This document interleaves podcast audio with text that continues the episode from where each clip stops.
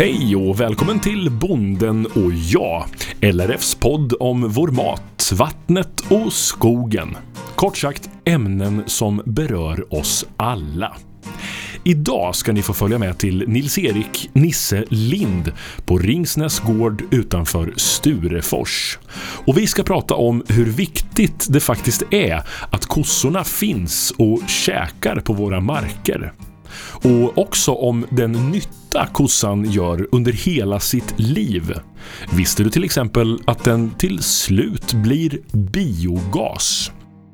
Värdet av den betande mulen och så kossans nyttighet för vår jord alltså. Men först måste vi kolla in utsikten här vid Ringsnäs gård. Jo men det, det ligger väldigt fint här in till sjön Stora Rängen. Eh, vi har sjöutsikt både från ladugården och från huset. Med fina ekbeten runt omkring och i sådana här dagar när solen lyser så kan man inte annat än att trivas. Ja, det är otroligt vackert. Och då undrar jag, laggården ligger där och sjön precis bakom. Går korna i och badar något eller? Ja, det gör de. Det gör de. Det är sant? Jajamän. De li ligger gärna nere vid sjön och går ut och ställer sig. Men, ja, de, de, går så långt ut så att det går upp till, över magen på dem i alla fall. Vi har långgrund strand här nere så det, de uppskattar verkligen vattnet också. Kan kor simma? Eh, det kan de men jag, fullvuxna kor har jag inte sett. En kalv har vi varit ute för att han samma ut så den fick vi åka ut och hämta innan han kom för långt. du, vi ska prata idag om eh, vikten av den betande mulen och djurets nytta från början till slut. Eh, stora ämnen. Vad tänker du när jag säger vikten av den betande mulen? Nej, men när det gäller den betande mulen så eh, är det ju att upprätthålla ett öppet eh, landskap med mm, eh, betesmarker och just här runt omkring har vi mycket e, eklandskap och ekbeten. Och det är ju mm, det är mycket som hänger ihop med den biologiska mångfalden. Att det inte blir granskog på alltihop och utan att vi, vi får in en eh, levande eh, miljö med mycket flora som, och örter som, som behöver att finnas så att säga. Och det är ju inte det bästa produktionsbetet när det gäller att, att producera alltså mycket gräs till, eller mycket foder för korna men det är, det är nog så viktigt för landskapet. Vad skulle hända ifall det inte fanns några kossor här omkring då? Nej men här skulle det växa igen. Vi har exempel på marker där det inte har betats och som har planterats igen. Och där, där skogen idag, då, om vi går tillbaka eh, 40 år sedan när den planterades igen. Den skogen dör idag på grund av granbarkborren och bristande dränering och liknande då, som eh, har, har havererat ihop med att eh, ja, dikena inte finns kvar och kan skötas. Men det finns ju andra djur i skogen som, som betar eller? Ja, vi, här har vi ju starka hjort, hjort och viltstammar, eller viltstammar överlag. Men, men hjorten är väl den som betar mest om jag säger. Och den, den är ju... Den äter ju, men den äter ju också... Den, den kan inte hålla det betestrycket som vi kan göra och, och, skapa den variationen i landskapet. Det skulle ställa alldeles för stora krav på skogsbruket tror jag. Och eh, tittar man på en trafiksituation runt omkring här så skulle, skulle viltstammarna öka ännu mer så ställer det stora, stora krav på staten när det gäller vilt, uh, viltstängselen med vägar och det här. Vi, vi ser ju att ett, en del av det stora hotet mot våran produktion är ju just de ökande viltstammarna. Att vi får ju minskade produktion, minskad produktion på våra åkrar. Men du, när en kossa går och betar på åkermarken här nu då. Mm vad växer upp sen? Vad, vad, är det som är så bra med att de käkar upp allt som finns? Eller käkar de upp allt som finns? Det kanske de inte gör? Nej, men de käkar ju inte upp allt som finns utan det, det vi får ju arter som tål betestryck som, som blir kvar om jag säger och sen har vi ju grödor som, eller örter som inte korna betar ner men där, där kan de ju vi kan ju ha ett komplement där även de vilda eh, hjortarna i det här fallet då kan ju äta andra örter och, och hästarna om man skulle släppa in dem i betesmarkerna äter ju andra saker. Så vi behöver ju mångfalden i marken för att få ett varierat, eh, en varierad flora.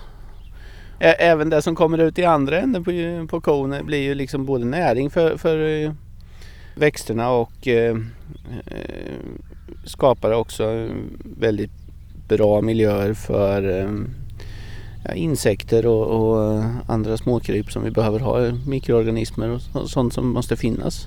Hur bra är vi på, tycker du, att, att ta vara på den betande mulen och de här förutsättningarna och de här fördelarna? Jag tror att vi inom branschen, inom lantbruksnäringen ser och förstår nyttan med det betydligt mer än vad, vad gemene man gör uh, ute i samhället. Och uh, jag tror inte att de kommer att sakna, sakna kon för spiltan är tom höll jag på att säga. Utan uh, det kommer att märkas först då. V vad beror det på tror du att man inte ser värdet idag då? Det kanske man gjorde mer förr eller? Ja men jag tror det. Jag tror att ju, ju mer som ju mer folk klumpar ihop sig in i städerna och, lamp och jobbar på eh, andra verksamheter inom, utanför lantbruket så man, man kommer längre och längre ifrån den här näringen. Går man tillbaka en generation så fanns det ju alltid någon som kände någon. Man var ute som barn på lantbruk och jobbade, eller jobbade, men hade sommarlov ute på hos mormor och morfar, farmor och farfar eller någon faster, farbror eller något sånt där som, som hade ett lantbruk eller som hade den anknytningen. Varför har det blivit så här då? Jag vet faktiskt inte varför det har blivit så här. Det, det, det är svårt att säga och, och, jag tror en stor del av det hela är ju den ekonomiska biten att eh, lönsamheten inte är den bästa inom lantbruket. Jag, jag kan själv tycka att det har varit lite stelbent från även våran sida om man ska vara lite självkritisk eller förra generationen och för att hitta lösningar. Och jag vet själv när jag gick på naturbruksgymnasiet att, att ute på praktikgården så fick man ofta höra att ah, det är så tråkigt, det blir inte lantbrukare eller liksom. Och, och jag, jag gillar att vara lite motvalls. så så eh, jag, jag, kan inte säga att jag tycker att lönsamheten är dålig inom lantbruket. Däremot måste man aktivt jobba med det och man måste hitta lösningar som, som ligger lite utanför boxen för hur det var förr. Man, Vad kan det vara för någonting då? Vad har du hittat för lösningar och för utmaningar? Nej, men jag har ju som målsättning att jag ska kunna jobba ungefär som vilken annan person som helst med, med helst 7-4 eller liknande. Men, och det, där krävs det att man har personal då som kan gå in och ta. I våra fall när man har mjölkkor så har du morgonpass och då eftermiddagspass. Ska man ha anställda så måste du ha marginaler så du kan betala ut löner. Och då måste du titta på de branscherna där det behövs folk. Vi, vi kör en del entreprenad. Jag gynnas lite av att jag har haft eh, många äldre lantbrukare runt omkring mig som jag har kunnat hyra ut mig själv eller min personal till för att de ska slippa ta en lönekostnad. De ser vitsen med att ja, men, vi får hjälp fyra timmar den här veckan. Det kanske är vad de behöver ha för att kunna hålla på en stund till. Och eh, sen har alltså entreprenadverksamheten kräver också folk och, och vi är ju ganska vi är vana vid att jobba och vi knorrar sällan om det är obekväma jobb heller utan vi försöker att lösa problemen så att säga. Ska vi hälsa på kossorna? Det kan vi göra. Ja, vi går neråt. Nu är det inte långt kvar ner till sjön. Alltså vad har du mellan lagården och sjökanten? Kan det vara 40 meter kanske? 40 meter? Oj, nu gick jag på dig. Jag trodde vi skulle, jag vill ner till sjön. Jag går till höger. Nej, vi behöver inte gå för min skull till sjön. Jag bara drog mig dit ner. 40 meter mellan sjön och kossorna. Och vi pratar om vikten av den betande mulen. Kan man se något av, av den nyttan här där vi går? Här där vi går just det är ju det stället där korna går ut och in hela sommaren om man säger och då det blir lite upptrampat. Det blir lite så här ser du kanske inte det men tittar man lite längre åt höger här ut så har man ju eh, betesmarkerna och eh, ja, det, det hålls öppet med hjälp av korna. Du gör ingenting där mer för nu ser vi träd. Du sköter inte den marken på annat sätt än att kossorna gör det själva? Nej, i princip inte. Var, var, var, tredje, var fjärde år får man kanske göra en inventering och se om man behöver hugga den någon busk eller liknande för att det inte ska växa igen på, på lång sikt om jag säger. Eh, men, men som, som regel så gör jag inte desto mer nej. Och ifall du inte hade kor, hur lång tid skulle det ta innan det var en vägg här? För nu ser vi ju sjön mellan träden. Ja, du behöver nog inte prata mer om ett, två år så börjar det vara betydligt annan miljö här nere. Nu går vi vidare. Vi måste kolla hur kossorna har det. Vi går däråt. Okej. Okay. Och en helikopter åker över oss också. Är det vanligt eller? vi har ju Malmen precis intill här så det är väldigt mycket inflygning runt omkring det. Så de brukar trä, träningsflyga här ute och ibland landar de ute på åkrarna här i närheten. Så. Va? Ja, det, ja. Inte när kossorna är där va? Nej, de, de har bra respekt för djuren alltså. Men eh, i och med att de flyger ofta så är våra kor rätt vana vid, eh, vid den eh, verksamheten också. Spännande det stör, liv. Det, det stör inte korna desto mer vad jag har märkt. Ja, de hör att vi är på väg eller? Vad vill de när de råmar sådär? Ja, nu tog vi vägen in där de brukar gå ut på sommaren så de tror nog att det kanske börjar vara dags. De börjar ha lite vårkänslor här också nu när solen kommer. Alltså märker du det eller? Att de har lite vårkänslor? Ja men lite. Och vi, framförallt vi, vilka dörrar du går igenom. Normalt sett så går vi in här på fram, ifrån eh, mjölkrummet eller den änden och där, där är de mer rutinmässiga på ett Nu är vi inne i ladugården här och står bland alla kor. Eh, En, en dum fråga då, när de inte är ute på vintern och inte kan beta. Ja. Hur märker, märks det på dem att de inte får vara ute och beta? Nej, jag tycker inte det. Alltså vi, vi har ju skördat gräs under vintern, eller under sommaren, som vi har att fora med på vintern och de är väldigt tillfreds med att, att, vara inne även vintertid. Sen eh, gör vi ju vad vi kan för att anpassa miljön lite, lite åt dem så att säga. Jag, eh, här till exempel har jag tagit bort fönstren ur, ur, eh, på baksidan av ladugården för att få in så mycket frisk syresatt luft som möjligt. Oj, oj, oj. Jag vill leva vara med? Va? Vill ni vara med och prata lite? Hej! 1473. Och, det tungan rakt ut bara till mikrofonen. Ja då. Just det. Det är, de, de gillar att vara nyfikna och slickar gärna på det som sticks fram. Men, men när man ser kossor så här, jag tror att alla som lyssnar på det här vet hur det ser ut ungefär i en lagård. Kossorna står här och någon ligger ner och det är sådär, ja men som det brukar se ut. Ja, ja. Mm. Ni är speciella, jag skulle komma till det. Jag skulle också fråga, vad, vad tror du, ser gemene man som inte är i den här branschen, vilka naturmaskiner detta är också? Jag, jag tror inte det. Alltså de, de, idag så vill man väldigt mycket förmänskliga eh, djuren. Det, man, man märker det att även med eh, hundar och med, med, med katter och med hästar att man, man vill liksom att de har känslor och de har man, man vill lägga mä, mänskliga känslor på djuren. Och det, det, det är väl sunt men jag tror att man ska gå in med värderingen att man ska försöka och, och eh, låta djuren bete sig så naturligt som möjligt. Vad intressant tanke. Vi, vi går däråt för att det låter så mycket när de råmar. Vi hälsar bara på lite här kossorna. Ja, får ni komma ut snart? När får de komma ut? Ja, det är väl en månad bort ungefär. Vi brukar släppa sista veckan i, eller sista dagarna i april eller första dagarna i maj. Nu sa jag snart kossorna, det innebär maj. Ja, maj. Det vet du väl? Fasen, nu lovar jag något jag inte kan hålla. Jag gillar inte det alltså. Men vadå, förmänskliga djuren? På vilket sätt förmänskligar uh, gemene man kossorna tänker du? Nej, men jag, du, du vill att de ska kunna gå fritt och, och eh, de ska kunna ha tillgång till utevistelse året runt och det här. Men samtidigt så kräver ju också miljön runt omkring här i, i, i Sverige att korna mår inte, alltså de mår, de mår inte dåligt av att gå ute om de får göra det regelbundet. Men vi håller ju också på med en verksamhet som, som producerar livsmedel. Och, och vi vill ju ha en avkastning på de djuren vi håller på med. Ska vi, åtminstone i min lägård där de står uppbundna, så, så vill folk idag att man ska ha dem lösgående. Och det vill jag också. Jag, jag, vill, jag vill att de ska ha så naturligt beteende som möjligt. Men, men jag kan inte heller ta till mig av den... Jag kan inte bedriva den verksamheten i, i det här stallet idag av den ekonomiska aspekten. Att folk vill inte betala för, för livsmedlen tillräckligt i dagsläget. Och i mitt fall när jag är en dator och inte äger marken så måste jag ha, jag måste ha en jordägare som är med mig i, i eh, de investeringarna jag gör. Och varför kostar det mer att ha lösgående kossor?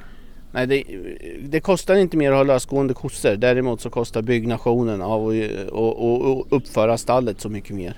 Det måste vara större eller? Det måste vara lite större ja. Eller inte större men det måste... Det, det, I mitt fall så krävs det en nybyggnad för jag har för, för litet stall för att kunna ha lösdrift i. Men, men jag, jag tror att var och en som håller på och jobbar inom lantbruket gör det bästa för sina djur. Och så är det ju även, även eh, med tamdjuren. Att, men, men vi kan inte ta de kostnaderna som eh, löneutvecklingen har pressat på i, eh, utanför lantbruket. Lantbruket ligger fortfarande kvar på låga nivåer när det gäller eh, pris, prissättningen på kött och på mjölk. Hur ser du på dina kossor då om man pratar någon typ av relation med djuren? Det, det, är en produkt och någonting du tjänar pengar på men vad känner du för dem? Nej, men jag känner mycket, alltså med, alla kor, mina kor är individer och, och jag jag känner ju igen precis varenda en av dem i, både till, till kropp och själ höll jag på att säga. Men man vet om vilka som är mamma och mormor till, till alla, alla kor här inne. Har de olika personligheter? Eller ja, de. coolheter? Ja, jo men det har de absolut. Ja, ja. Hur märker du det? Nej men eh, vi, vi har eh, äldsta kon i ladugården här. Hon, det, hon är stor som ett hus men det är väldigt, eh, det är väldigt lite ko. Hon är väldigt enkel att ha att göra med. Och sen har man eh, no, någon av de yngre här som är jätte, jätteliten. Men hon är bångstyrig och bänglig. Men det, så det, det, är väl som, det är som hundar och katter, de har personligheter absolut. Alltså jag kan inte undvika att, att prata pruttar när det gäller kor. Det där har jag sett i olika medierapportering. Mm. Att kossan är ja, men miljöfarlig. Den pruttar. Och den belastar miljön på alla möjliga sätt. Vad säger du om det? Jag är mycket skeptisk till att kon belastar miljön i den utsträckningen. Eh, Fast det gör den väl? Pruttarna är inte så nyttiga? Pruttarna är inte så nyttiga men, men den, det, det är det lilla i, i, det stora när det gäller utsläppen. Det, det kan jag inte annat än att eh, trycka på att kon gör betydligt mer nytta när det gäller att binda, eh, binda kol i marken och, genom att de betar och och håller landskapet öppet. Och eh, på, så sätt, på så sätt liksom eh, är med och hjälper till att binda fast koldioxiden i backen och tillföra nytt syre till... till alltså det är ju, vi, vi går tillbaka till grundskolan egentligen och fotosyntesen, hur det fungerar med, med sol och gröna växter och, och koldioxid och syreutsläpp. Eller på att säga. Och där, där är kon väsentlig. Och börjar vi då tillföra massa andra utsläpp i, i den debatten, om, eller i, i den fotosyntesen, om vi tar bilutsläpp och du tar industriutsläpp och de bitarna så, så då tycker jag kon får... Eh, det, det är nog det enklaste att peta på i dagsläget men det är nog på grund också av att vi är den minsta producent, eller pro, vi, vi, är, vi är väldigt små i, vi är en väldigt liten bransch som är väldigt lätt att peta på. Är det därför ni får den här skiten? Tror jag, jag, Eller kritiken kan man ju kalla det för lite bättre kanske. Ja men jag, jag tror lite det. Jag, jag, tror att vi, vi är en sån liten del så vi, och vi, vi har alltid slides för våra eh, bransch och våra produkter så det är ingen som liksom tar oss på allvar i det här. Känner du så? Ja men lite så känner jag. Jag tycker att 2018 då ihop med torkan så fick vi lite renässans i det här att eh, Oj, nu har vi, finns det inget foder i Sverige. Det var torka och djuren mår inte bra eller de får in, bönderna får importera foder utifrån. Och, men så kan det ju inte ha. Hur ska det fungera och vad, vad ska vi göra? Jag, jag, tycker att den diskussionen har blivit lättare att ta nu med, med folk runt omkring. Att de, de ser nyttan vi gör. Men om vi skulle gå tillbaka till pruttarna och reda ja, ut det ja. en gång för alla. Vad kommer det ut ur en koprutt som inte är nyttigt då? Nej, men det, det kommer ju ut en del metangas. Så är det ju. Och, och det går ju upp i atmosfären. Men, och, alltså, tittar man till, till vad atmosfären som sådan kan bära så är ju, så, så är, är ju inte metanen bra. Så är det ju. Men du jämför det med bilutsläpp och sådana saker? Ja, bilutsläpp och industriutsläpp överhuvudtaget. Ett ozonlager som är i obalans kan ju inte vara med och mm, ta hand om för mycket. Det, det, måste ju vara, det måste ju vara en av grundstenarna att något som mår bra klarar jag att, behandla, att ta hand om, om eh, avfallet höll jag på att säga. Men det är ju samma, samma sak med människan. Liksom klarar inte, är vi friska och pigga och har ett bra immunförsvar så klarar vi av att få lite basiller. Så en koprutt i det stora hela tycker du? Det är en droppe i havet. Det är en droppe i havet. Ja. Det, det, det är min övertygelse. Men känner du igen den här debatten om just kopruttarna som blev någon typ av symbol för, för lantbruket och, och miljöbelastningen? Ja men det gör jag. Det gör jag. Jag tycker att den är ganska orättvis eh, och, och jag tycker att vi i Sverige om jag nu tittar på, på oss som land så ska vi alltid vara duktiga och gå, föregå med gott exempel. Och vi ligger så pass långt i framkant så jag förstår inte hur hets, hetsk debatten har blivit just i, i, hos oss. Den borde vara mer eh, riktad mot de lantbrukarna runt omkring som inte tar hänsyn till miljön överhuvudtaget. Som du ser det då, om vi skulle prata om kons nytta ja. från att den kommer ut här och är kalv mm. tills det tar slut. Mm. Hur ser den kedjan ut om du skulle få beskriva? Ja, men, eh, om vi tar att eh, i, i mjölkproduktionen i alla fall så föds kalven. Och kalven påbörjar då eh, sin, sin väg uppåt mot att antingen bli en ny mjölkko eller att bli en, eh, e-, en eh, bit kött på, på tallriken. Och där börjar den ju redan från början att äta gräs och, och när den har lämnat mjölkperioden i alla fall. Och sen eh, håller den ju landskapet öppet. Och efter det så går det ju vidare och, och ja, och bli, om vi säger att den blir en slaktdjur då, så blir det ju kött då. Och slaktavfallet blir ju i dagsläget biogas på, eh, som, som är med och driver, och driver bussarna in i stan till exempel. Hur funkar det här hos dig då? Hämtar de sånt eller hur går det till? De, om jag skulle ha en, eh, ja slaktdjuren hämtas ju och sen sköts ju den administrativa, administrativa biten när det gäller eh, slaktavfall och det sköter ju Scan då. Eh, logistiskt däremellan.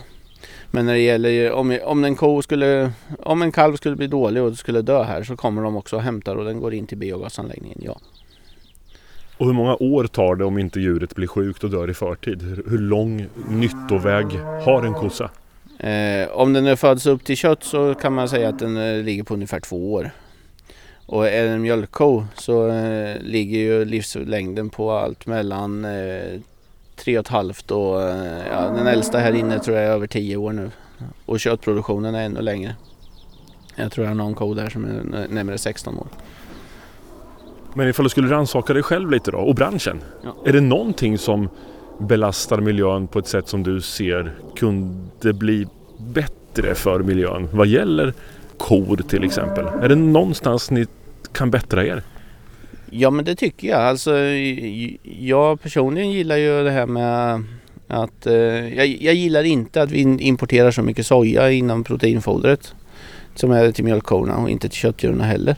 Där jag tycker att rapsen är en, en nog så, så bra, ett bra substitut så att säga. Och varför importeras det då? Det har väl varit ett trendbrott. Jag tror, jag tror vi ligger på, på bara 2% i dagsläget av, av soja eller av proteinfodret innehåller soja ut, utomlands ifrån så att säga. Resten är inhemsk eh, råvara.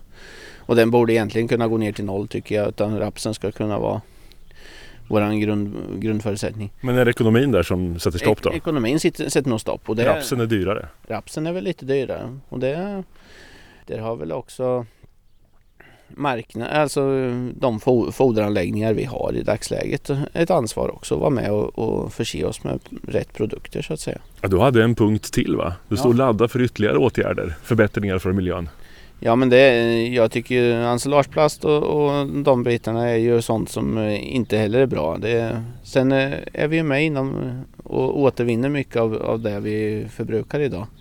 Eh, och det är väl viktigt att vi fortsätter med det miljöarbetet. Eh, hur funkar det då? Ensilageplast och alla andra plaster, hur, hur tas de hand? Det måste vara mycket mer här än i ett vanligt hushåll.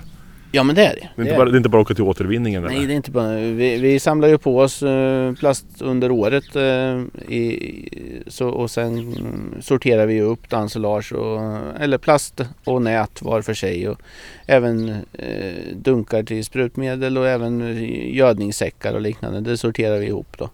Sen kommer det en stor, i vårat fall så är vi flera gårdar så vi har gårdshämtning då. Och då kommer det ut en, eh, en stor flisbil och sorterar upp det i, sin, i sina baljer och sen kör han in det och återvinner det så att vi ska få Ja, att vi inte ska påverka miljön där så att säga utan att vi, vi ska kunna återvinna det vi, det vi förbrukar. Så den betande mulen, en förutsättning för vår natur. Mm. Kossan är en eh, härlig bra naturbruksmaskin. En levande sån skulle man kunna säga som också gör nytta hela livet på många sätt. Absolut. Hur är det med drivmedlen då till exempel? Ja men drivmedlen är ju Där skulle vi behöva ha eh, rätt förutsättningar för att eh, eh få mer förnybar energi. Eh, typ HVO och liknande.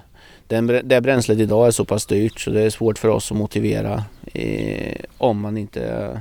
Ja, det är svårt för oss att motivera att eh, eh ta den merkostnaden som det är i dagsläget. Du pratade till en början om att människor har för dålig kunskap om vikten av eh, den betande mulen och vilken nytta kossan gör hela livet. Vad ser du för framtid? Vad, vad händer här om 10-20 år till exempel? Nej, men jag, jag försöker att vara transparent när det gäller vår produktion och, och, och vilja visa upp den. Sen har vi ju mycket att jobba med och det måste folk förstå ihop med eh, att vi, vi kan vara öppna till en viss gräns men, men vi har också ett smittskydd att tänka på när det gäller djurens välbefinnande.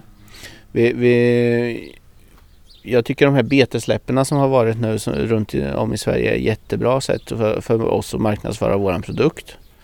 Jag önskar att skolorna skulle ta ett större ansvar där att eh, få ut eleverna och, och, besöka gårdar. Och där måste vi som, vi som lantbrukare måste också ta den bollen att vilja öppna våra gårdar och visa att den här produkten har vi. Det här är det bästa köttet du kan få just nu. Bjuda in skolorna? Bjuda in skolorna betydligt mer, absolut. Och, och där tycker jag att politikerna och skolväsendet måste vara bättre och möta upp och vilja utbilda. För man, man hör de här skräckexemplen lite när när, när eh, fröknar har blivit nerringda av föräldrar som säger ja, jag hörde att ni var och besökte en bondgård och så. Men, men så där produceras ju inte mjölken längre utan det produceras i fabriken. Ja men liksom det, det, då, då, är, då är man så långt ifrån verkligheten så vi, skolungdomarna måste få komma ut och lära sig vikten av det från början. Och där har Lantbrukssverige och hela näringen något att jobba med. Du har lyssnat till Bonden och jag, en poddradioserie från LRF. För fler avsnitt och intressanta ämnen, klicka dig bara vidare. Jag heter Mattias Lindholm och är programledare och producent för den här serien. Hoppas vi hörs snart igen.